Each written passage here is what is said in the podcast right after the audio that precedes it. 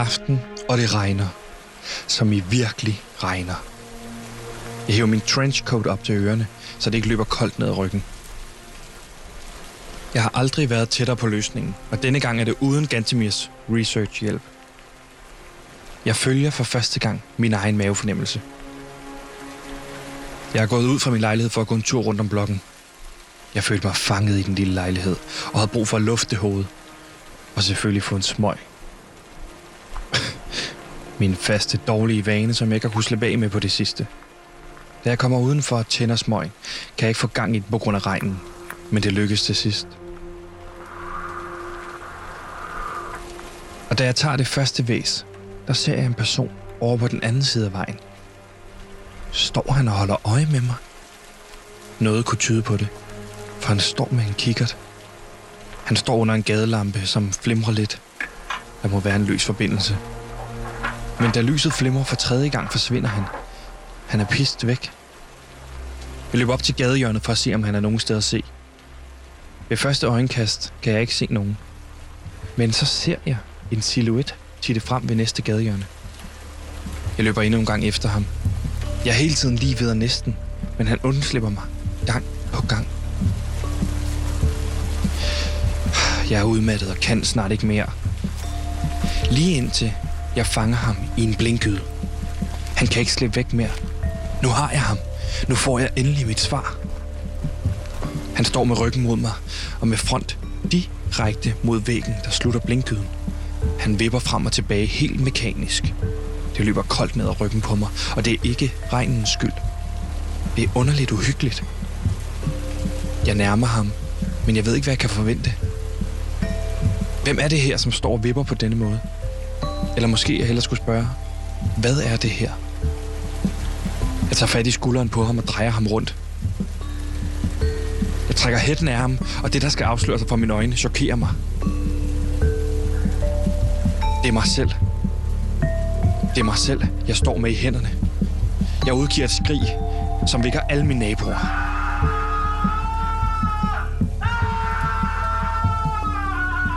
Jeg vågner op i min seng, badet i sved. Det var bare en drøm. Men mon drøm vil fortælle mig noget? Må vi er tættere på, end vi nogensinde har været?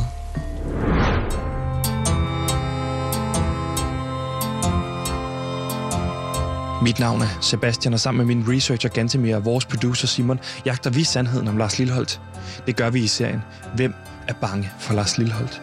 Lige nu lytter du til det 9. afsnit, som vi har valgt at kalde Sexisten er fanget.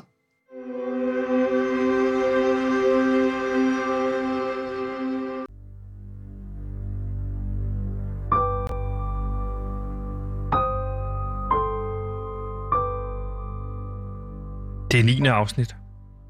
Normalt det næst sidste afsnit i en serie på 10. Men kan vi virkelig allerede være der? Det vil være en flad fornemmelse at stoppe her, ikke? Det er som om, der bør ske noget. Der ske noget uventet. Det er ikke til at sige om lige præcis, hvad der skal ske. Men et eller andet skal der ske. Ikke bare for Gantemir og min karrieres skyld, men lige så meget for din skyld. Din skyld, kære lytter. Nu har du været med så længe, og det sætter vi virkelig pris på. Og derfor er det på tide, vi siger velkommen til det 9. afsnit af Hvem er bange for Lars Lilleholdt.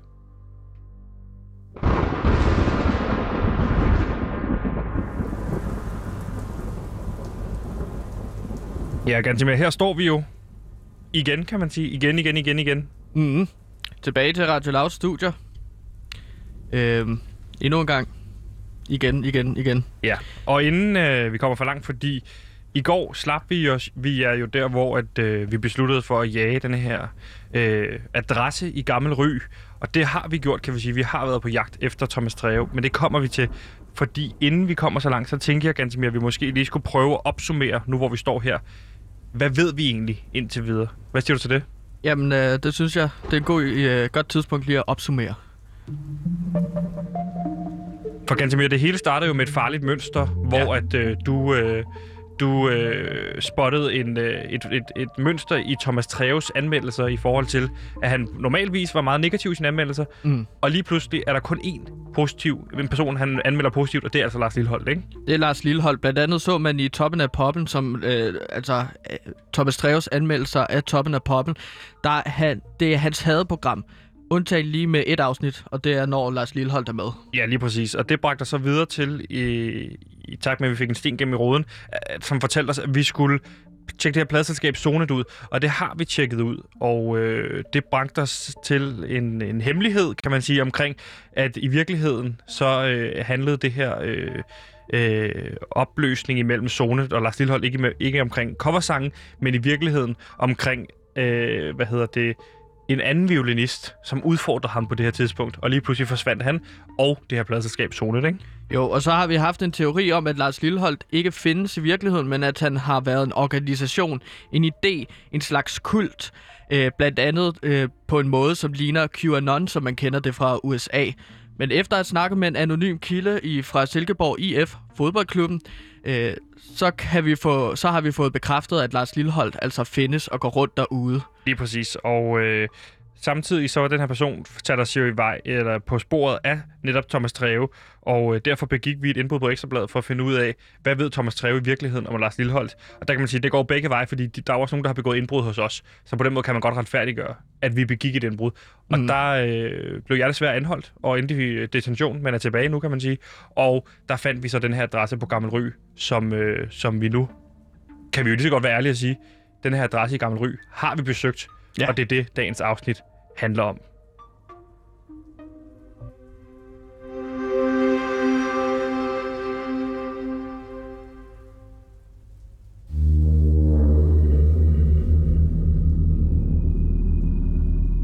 En masse breve med personfølsomme oplysninger, der tilhører Lars Lilholdt. Men de ligger alle sammen på Thomas Treves kontor i København. Alle breve var jo sendt til en adresse i Gammel Ry i Midtjylland. Men hvorfor ligger de i København? Hvad er der at finde på den her adresse, der efter sine tilhører Lars Lilleholdt?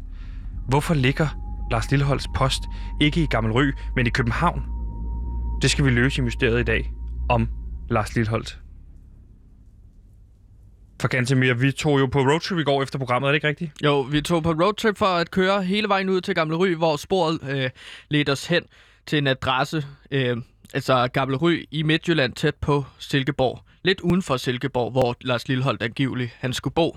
Ja, lige præcis. Og det er jo en adresse, som, øh, som øh, andre har besøgt. Den anonyme øh, kilde fra Radio 24 har jo besøgt den her adresse og har ikke fundet der fundet noget der, men alligevel tænkte vi, nu, nu er det på tide, vi går op og besøger det her sted. Vi er nødt til at finde ud af, hvad det er, der sker her. Og derfor har vi øh, valgt at dele den her reportagedel op i tre, som, tre dele, som vi skal høre i dag. Og nu skal du høre den første del, øh, som foregår i en bil. Man kan sige, man kommer lige en, en, et, et smuk kig ind i, øh, i maskinrummet, hvordan sådan noget foregår, når, når to gravejournalister de er på roadtrip. Det skal du prøve at høre her. Gansimir, det jeg tænkte, vi måske også kunne tale om på vej herud, det er, det her, nu kører vi jo, altså vi er jo, nu vi har jo krydset broen, kan man sige. Vi er jo kørt ind i det mørke Jylland, ikke? Jo. Det her kan jo godt være slutningen nu. Det kan muligvis godt være, at, øh, at Vi vores rejse snart slutter. Ja, vi skal jo hjem igen, ud af, ikke? Ja, præcis.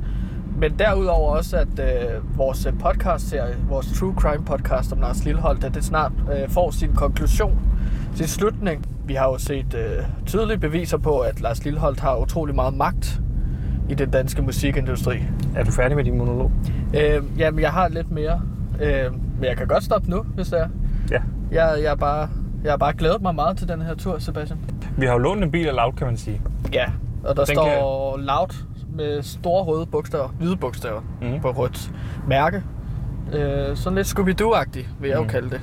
Den bliver jo kaldt Loud-mobil. uh, Loud-mobilen i folkemunden, ikke? Jo. Altså, jeg vil virkelig være ked af, hvis vi finder ud af, at, at det bare du ved, at i virkeligheden så Thomas Treve, han har bare hentet hans post for ham, fordi han skulle lave et job herovre i København, eller du ved, et eller andet. Det er jo, og, og vi får mest, den mest flade slutning på den her true crime. Jeg ved ikke med dig, men jeg tænker jo, at det, det Ja. værste, der kunne være i den her podcast, og den konklusion, som vi måske får, er at bare, at Thomas Treve og Lars Lilleholdt bare er gode venner. Men hvordan forklarer det en nedbrænding af, Pook Recording Studios? At, at vi så finder ud af, at det hele bare er et tilfælde. Men nu er vi, nødt til, vi er nødt til at følge vores mavefornemmelse nu. Hvad, hvad håber du på, at vi finder ud af? Jeg håber, vi finder ud af, at Lars Lillehold er en morder. Det vil, det vil gøre det godt for vores karriere. Ja, At Jeg håber, vi finder, jeg, jeg håber, vi finder et dødt menneske som Lars Lillehold hans har grund, ja, hvor han, mens han er i gang med at slå ihjel, så vi ved, at vi har det på bånd. Det, det ved Ja, jeg ikke, om altså- for meget for langt. Altså på optagelse, ikke? Men der, der tænker du jo så lidt mere øh, selvcentreret, vil nogen jo mene. Men jeg er meget enig med dig. Det fedeste vil jo være at opdage, at Lars Lillehold er i gang med at myrde nogen. Det vil være en skam for den person, Ja, den, den person, der, der, der bliver, der bliver myrdet. Kan vi mødes til et sted, hvor man siger, er der en person, vi kunne... Altså, Philip Faber for eksempel. Ja. Ja. Hvis det nu er ham, han myrder. Er der steder, hvor vi vil sige, at det, kan, det, kan, det går nok? Er der en, vi godt kan undvære? Ja, øh, hvad kunne Jesper Skiby?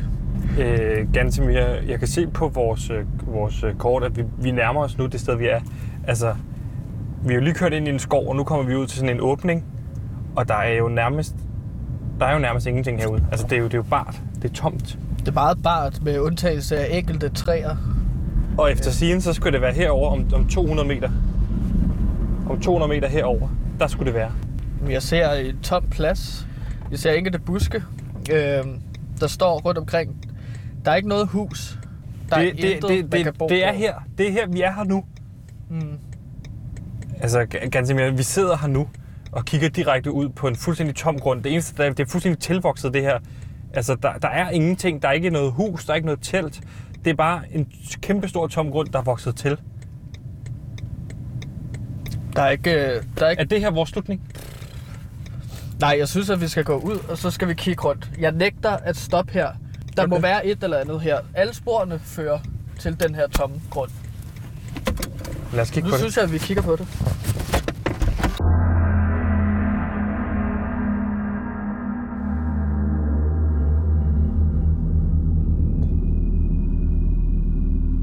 To hårdarbejdende journalister har fulgt et spor til Lars Lille- Lilleholds grund. Men grunden er tom, og det ligner, der er ikke nogen, der kan bo her. Men ender sporet virkelig her? Er det et af de her såkaldte blinde spor, som man så ofte hører om i andre True Crime podcast? Det er, når det ser aller sortest ud, at en persons dedikation skal vise sig. Og Gantemir, det, er jo, det var jo første del af reportagen, som, som, som foregår i tre dele. Hvad tænker du, da vi går ud til den her grund? Altså, da du ser den her tomme bargrund? Altså, jeg må, jeg må indrømme, fordi for mit vedkommende, det er mega frustrerende. Ja. Fordi så, så, så jeg kan bare se for mig, hvordan den her True Crime podcast fortsætter og fortsætter og fortsætter. Og for, ligesom alle andre True Crime podcaster. Til sidst ende, så er alle sådan... Jeg kan ikke engang huske, hvor vi startede hen, og nu, er, nu, er efter, nu, nu undersøger vi et eller andet en eller anden underlig mand på Frederiksberg Kommune. Altså, Ja, det er vel øh, True Crimes podcast frygt. Ja, det, det er jo fry- frygt. Frygt er et godt ord, synes jeg. Jeg frygtede jo lidt, at det skulle ende bare derude på en tom græsplæne i Midtjylland. Det er det mest kedelige slutning, Hvad vil konklusionen så være? crime. Jamen, det vil være, at øh, altså, Lars Lilleholdt, han, hvor bor han? Så kunne man kalde, så kunne man kalde podcasten det. Hvor, hvor bor Lars Lilleholdt? Lad os finde ud af det i 10 Så, afsnit, jamen, for eksempel. konklusionen vil så være, at det var i hvert fald ikke der. Det var, det var i hvert fald ikke der, hvor hans adresse er. Og det vil være frustrerende. Men altså, så, så frustration er en god følelse at ligesom bruge til at beskrive. Lige, øh, det er den følelse, jeg får, når jeg ser på den samme tomme grund, som Ja. ja. 24-7 graverjournalisten, som vi har interviewet, også har set. Lige præcis. Det vil være en måned af skatteydernes hårdt tjente penge, der vil brænde op på at finde ud af, hvor bor Lars Lilleholdt henne? I hvert fald ikke her. Og det kunne vi jo have fundet ud af på dag 1. Altså, så kunne man have sagt, hvor bor Lars Lilleholdt henne? Så kunne vi pege på en bygning og sige, det er i hvert fald ikke der. Eller man kunne ikke gå og kigge på dørtelefonen. Og det er ikke her. Nej, men så kunne man måske... Så det, det vil man, være samme konklusion, ja, samme hvis, kvalitet. man, hvis man så skulle idéudvikle lidt på den idé, så vil Ja. man øh, måske banke på forskellige døre og så spørge, hey, kender du tilfældigvis Lars Lillehold? Kunne han bo her, hvis Ja. det var? Så vil så sige folk, det... jamen det kan hverken be eller afkræft, og så vil man stå med en, en, en uden en slutning, ikke? Så er det Mm. næsten bedre at have en slutning, hvor man siger, at han bor i hvert fald ikke her. Okay, så den person vil for eksempel ikke kunne afkræfte det, og så har man allerede et afsnit der på 3, 30 minutter. Det er selvfølgelig rigtigt. Men det er jo ikke helt det, der sker, fordi at, øh, jeg synes oh, nej. måske bare, at vi skal gå ind i anden del af reportagen, hvor at tingene tager en, øh, en lidt anden retning, kan man sige. Lad os Mm. prøve at høre, hvordan anden del af reportagen lyder. Gantemir, nu er vi jo rent faktisk ankommet til det her bevoksede sted, og altså, det ligger jo ikke fuldstændig, hvad kan man sige, isoleret. Det, der er jo veje derude, når man kigger ud i horisonten. Ja. Men vi står på grunden nu, som er efter sine Lars Lilleholds grund, men der er jo ikke nogen mennesker, der kan bo her. Der er ikke noget hus, der er ikke noget telt, der er intet. Altså, det hele er bare grønt med noget tilvoksning af et, af et slags nogle buske. Øh, Altså det eneste, der, der er en gren her, hvad skal vi bruge? Det, det er jo ikke true crime, tror, når der er en gren. at, tror du, det er et spor, måske, som Lars Lilleholdt? Tror du, at grenen er et spor, som Lars Lilleholdt har lagt ud? Nej, det er en gren. Det er sådan noget Men- pis, at det slutter her. Men, men der, Hvis vi ikke kan... der, lig, der ligger en død rev her. Altså, øh, så kigger jeg her, så er der ingenting. Så, altså, du ved, så kan jeg grave her. Ingenting, der er en gren. Så ligger der noget der. Hvad er det? Ja, Hey, hvad er, det? Prøv lige at se her. Det er en violin. Kan du ikke bes- det er en violin. Der ligger her under Kan du græsset. beskrive, hvordan violin ser ud? Ja, det er en, violin, en brun violin. Det ligner en almindelig violin. fire strenge. Ja. Med fire, altså, jeg, jeg, jeg, nu er jeg musiker, Sebastian, og jeg kan se, at de strenge, det er altså... Normalt så vil en violinstreng blive utrolig slidt af at ligge udenfor i så lang tid. Men det, den violin er slet ikke slidt. Så det, du siger til mig, det er, at den her violin, der er der, den er lagt der for nyligt. Ja, eller... Ja, det må den være. Hvis jeg lige tager den op her... Den sidder fast. Hiv. Jamen, det er svært. Ah, hvorfor sidder det så godt fast? Det burde en violin ikke gøre. Nej, fuck. Wow, wow, wow. Hvad sker der? Så skal til, Der, der, der er noget, der... altså, jorden, den skildrer sig. Nej, den, der, der rykker. Den ene del rykker til højre, den anden del rykker til venstre, og, og frem åbner sig en, en trappe ned. En tre, jeg vil skyde på, måske 10 meter ned går den her trappe, i hvert fald under jorden. Det er den længste trappe. Man, man kan se, at der er pærer, der hænger ned fra øh, loftet, og ellers så går den bare lige ned. Ganske med, vi har åbnet op til et hemmeligt underjordisk sted. På grund af, derned. vi har, ja, vi har åbnet et underjordisk Nej, trappe. den her vej. Gat. Vi kan jeg må ned. hellere gå først, Nej, nej, Sebastian. jeg, hvis der er nogen, der går først, så er det mig. Okay, men er du sikker? Fordi at det kan jo godt blive farligt, det her. Du går først, men jeg går lige bagved, så hvis der er noget, så kan jeg gå foran og kigge. Okay? Okay, Så godt jeg er bag dig.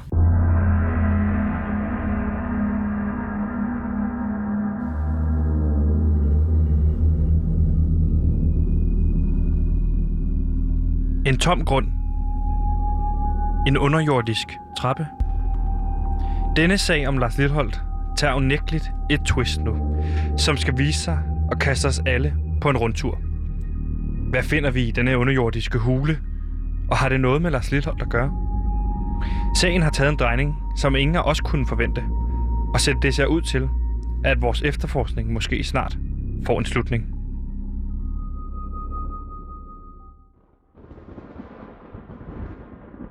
Gantemir, det var jo ikke lige det, vi måske havde regnet med, øh, da Nej. vi tog ned, at vi ville finde en underjordisk trappe. Mm-mm. Og det er måske også, hvad kan man sige, lidt tavligt. Altså, jeg hader det i virkeligheden i andre True Crime podcasts, når jeg hører det. Tavligt at gå ud på en cliffhanger. Fordi nogle gange vil man bare gerne have at vide, hvad sker der her.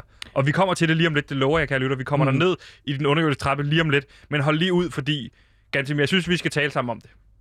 Altså, fordi så kan det også vare lidt længere, den her podcast. Ja, øh, klart. Øhm, og så får vi fyldt tiden lidt mere ud. Ja. Øhm, altså, jeg, jeg tænker umiddelbart lige da jeg ser violin, at det er godt nok spøjst. Ja. Øhm, nu har man hørt meget øh, i de to reportagebider, som vi har spillet indtil videre. Også være frustreret. Også Mm. ikke kunne forstå, hvad der sker. Hvad, hvad er, hvor, hvor, hvordan finder vi ud af noget nyt om Lars Lillehold? Ja. Der vil ikke være noget værre, end at komme derhen, og så vil det være endnu en blinkgyde. Altså, fordi jeg, jeg, vil ikke, jeg ved ikke, hvad vil man gøre derfra, ikke? Mm. Og Men så er tager også- du fat i den violin. Ja, og det er også derfor, at vi går ud af bilen til at starte med, fordi at det er der, min research-næse ligesom spiller mig et pus. Ja. Og så går vi netop rundt og graver rundt. Vi finder en masse grene. Kan man bruge det til noget? Nej. Men så finder Nej, vi du, violinen. det, du skal ikke sige nej nu, fordi du, du, du går ud fra, at, at grenene, vi finder, er et spor. Ja, fordi der må være et spor. Og så skal man bare ligesom tvinge sig selv til at tro på, at det er et spor. Men det er også underordnet, fordi at vi fandt men, violinen. men det ville også blive en lang true crime, hvis man antager alt er et spor, ikke? Altså, fordi så den mikrofon, jeg står og taler i, det kunne være et spor. Fordi den havde ikke den her vind- vindhætte på i går. Nej, men det er jo klart, at så skal man ligesom... Man, altså, man skal være kreativ. Man skal ligesom tænke ud af boksen for at opklare mysterier. Ja. Som for eksempel uh, mysteriet om Lars Lillehold, hvor vi fandt et underjordisk uh, hule ved at, ligesom at tage fat på et violin. Hvem skulle se det komme? Nej. Og hvad siger din uh, research mavefornemmelser der her? Øh, Der er noget på spil her. ja, og, tænker og, og det, er jo ikke, øh, det er jo ikke hver dag, at journalister lige finder en underjordisk hule. Ja, det oplagte er jo, at man tænker, hmm, der er jo nogen, der holder noget skjult her i hvert fald, så længe den er underjordisk og hemmelig, ikke? Jo. Men hvad, hvad, hvad føler du, lige når du ser den underjordiske trappe der? Jamen, det er jo en anden form for frustration. Jeg vil måske hellere kalde det frygt, fordi du går ned, og man, det er jo det her symbolik, kan man også sige. Du går ned i kælderen, underverdenen. Altså, jeg frygtede det værste, Øh, det, jeg forventede, var måske, at vi ville komme ned til et hemmeligt musikstudie, øh, hvor der vil være indspillet nogle plader, du ved, et eller andet, ikke? Jo, klart. Men det er jo ikke helt det, der sker, fordi nu synes jeg, vi skal høre tredje del af reportagen. Jeg synes ikke, vi kan holde det længere for dig, kære lytter. Øh, her kommer tredje del, tredje og sidste del af reportagen, hvor vi besøger Gammel Ry og Lars Lilleholds øh, efter sine adresse. Gansimir, du går først. Ja. Ned trappen. Klart. Det tager bare fedt her. Så okay. er sådan noget. Og Det, der altså, er det er en kæmpe stor metaldør nede for enden af den her Mhm. gang. Jeg prøver at åbne Prøv at få den det. op. What the fuck? Kantimir. Hvad fanden er det her for et sted? Altså, det ligner, hvis jeg skulle beskrive det, et slags laboratorie. Der står en masse borer med... Stort laboratorie. Jamen altså, der står reagensglas, og der står også bunsenbrænder, og det hele står bobler lige nu. Det koger. Det er alle mulige forskellige øh, Det er jo farver. nærmest et operationsbord, det her, ikke? Jo, Hvis du går herover, prøv at se. Det, er en kæmpe, det ligner en kæmpe stor computer. En form for sådan en server-ting. med et kæmpe tastatur med utrolig mange øh, altså brikker. Eller hvad kalder man det? Tastaturbrikker. Sådan nogle, man trykker på. Gantemir, det fortsætter herover. Prøv at se her. Der hænger alle mulige... Se her, der hænger alle mulige ledninger. Ned fra væggene og loftet Åh, og en masse. Hvad er det? Shit, mand! Strøm igennem den der, den der. Det er... Igen, pas på. Åh, ja, fuck! Jamen, det, det skyder rundt. Det er sådan en helt blåt lyn, der skyder fra en stor kugle til en anden. Det er ekstremt. Hvad er det der? Den der kæmpe store. Der er lag over den der. Prøv at tage lagnet af, Sebastian. Er du sikker? Lad os prøve at se. Oh, Wow, wow, shit! Det er en person, det er en Det- mand, der ligger derinde. Det er det er Lars Lilleholdt. I en kæmpe stor tank med sådan noget grønne. Han er koblet op på sådan nogle ledninger. Hvad er den her? Det ligner, at han bare svæver. Wow, Wow! Det er også Lars Lilleholdt. Hvad med den her? Det er også Lars Lilleholdt. Hvad sker der? Det er sandt med også Lars Lilleholdt. Der er fire Lars Lilleholdt der. Det er præcis den samme Lars Lilleholdt i alle glas. Kantimir, hvad? De, ja, ja, ja, da vi begyndte på det her true crime, så vidste jeg godt, det ville være sindssygt. Men det her giver jo ingen mening. Hvor mange Lars Lilleholdt der er der? Jamen, det, tankene fortsætter der nedad. Der er i hvert fald 40 tanke der. Det er en gigantisk lang gang, der bare fører der nedad med Lars Lilleholdt der. Vildt. Okay, hvis jeg skal beskrive det her for lytterne, det er vanvittigt, hvis de kunne tage videokamera med. Der, er- det er jo Lars Lillehold, der svæver inde i sådan en tank med noget grønligt væske, og så er han koblet op på sådan nogle ledninger hele vejen ned fra en nakke til alle rygvivlerne. Er ligesom fået sådan en ledning på sig. Gigantisk mere. Nå, drengen. Så fandt I mig endelig. Thomas Treve? Ja, det er mig. Er det virkelig dig, Thomas Treve?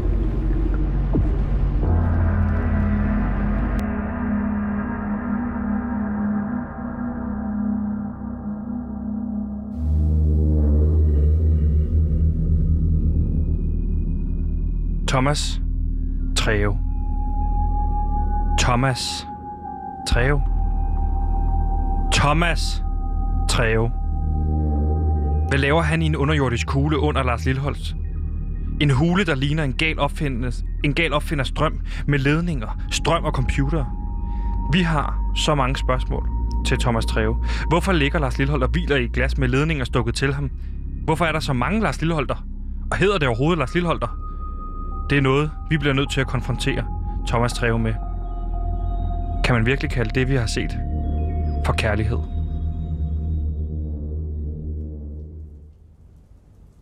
Ja, Gantemir, det stopper jo egentlig her, øh, må man sige, fordi det er sådan, at øh, det lykkedes at tale med Thomas Treve i går, øh, Mm. på vores roadtrip i går, og han har medgivet, eller ind, været vild, medvillig til at øh, lave et eksklusivt interview med os her i morgen i programmet. Er det ikke rigtigt? Jo, og det, øh, det ser vi meget frem til, at øh, kunne konfrontere ham med så mange af de spørgsmål, som vi har. Fordi at lige nu virker det til, at der eksisterer flere Lars Lilleholter, eller øh, flere Lars Lilholdt, øh, øh, flere stykker Lars Lilholdt, kan vi vist kalde det. Men hvad ja, er Thomas vigtigst af alt, så kan man jo sige, at Lars Lilleholderne bliver jo groet i et studie, eller i et, i et laboratorie. Altså, det giver reelt... det- Og der tænker jeg bare, hvad er Thomas Treves rolle i alt det her? Ja, det Hvorfor det. var han dernede? Lige præcis. Og det er det, vi har tænkt os at, øh, og spørge ham om i morgendagens, og måske det sidste afsnit i den her serie, Hvem er bange for øh, Lars Lilholdt?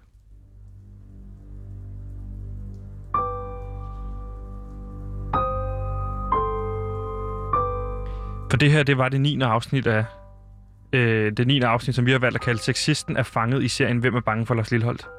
Vi ankom til Lars Lilholds adresse, der i starten ikke var andet end en tom grund. Men da vi trak i en violin, violin, der lå på jorden, åbnede der sig et underjordisk laboratorium frem, hvor vi fandt flere Lars Lilholter i en septitanke. Men hvad lavede Thomas Treve dernede? Hvorfor gik Treve rundt blandt supercomputer, ledninger og reagensglas under Lars Lilleholds grund? Og hvad er det, der foregår? Vidste Treve, at vi ville komme? Alt det, afslører vi i morgen i det 10. afsnit i denne True Crime-serie med et eksklusivt interview med Ekstrabladets anmelder, Thomas Treve. Husk, hvis du synes om det, du lige har hørt, så del det med dine venner. Vi har brug for din hjælp, hvis vi skal finde sandheden. Mit navn er Sebastian, og sammen med Gantemir og vores producer Simon har vi bragt 9. afsnit af Hvem er bange for Lars Lillehold til dine ører. Det her var afsnittet. Sexisten er fanget. Tak, fordi du lytter med.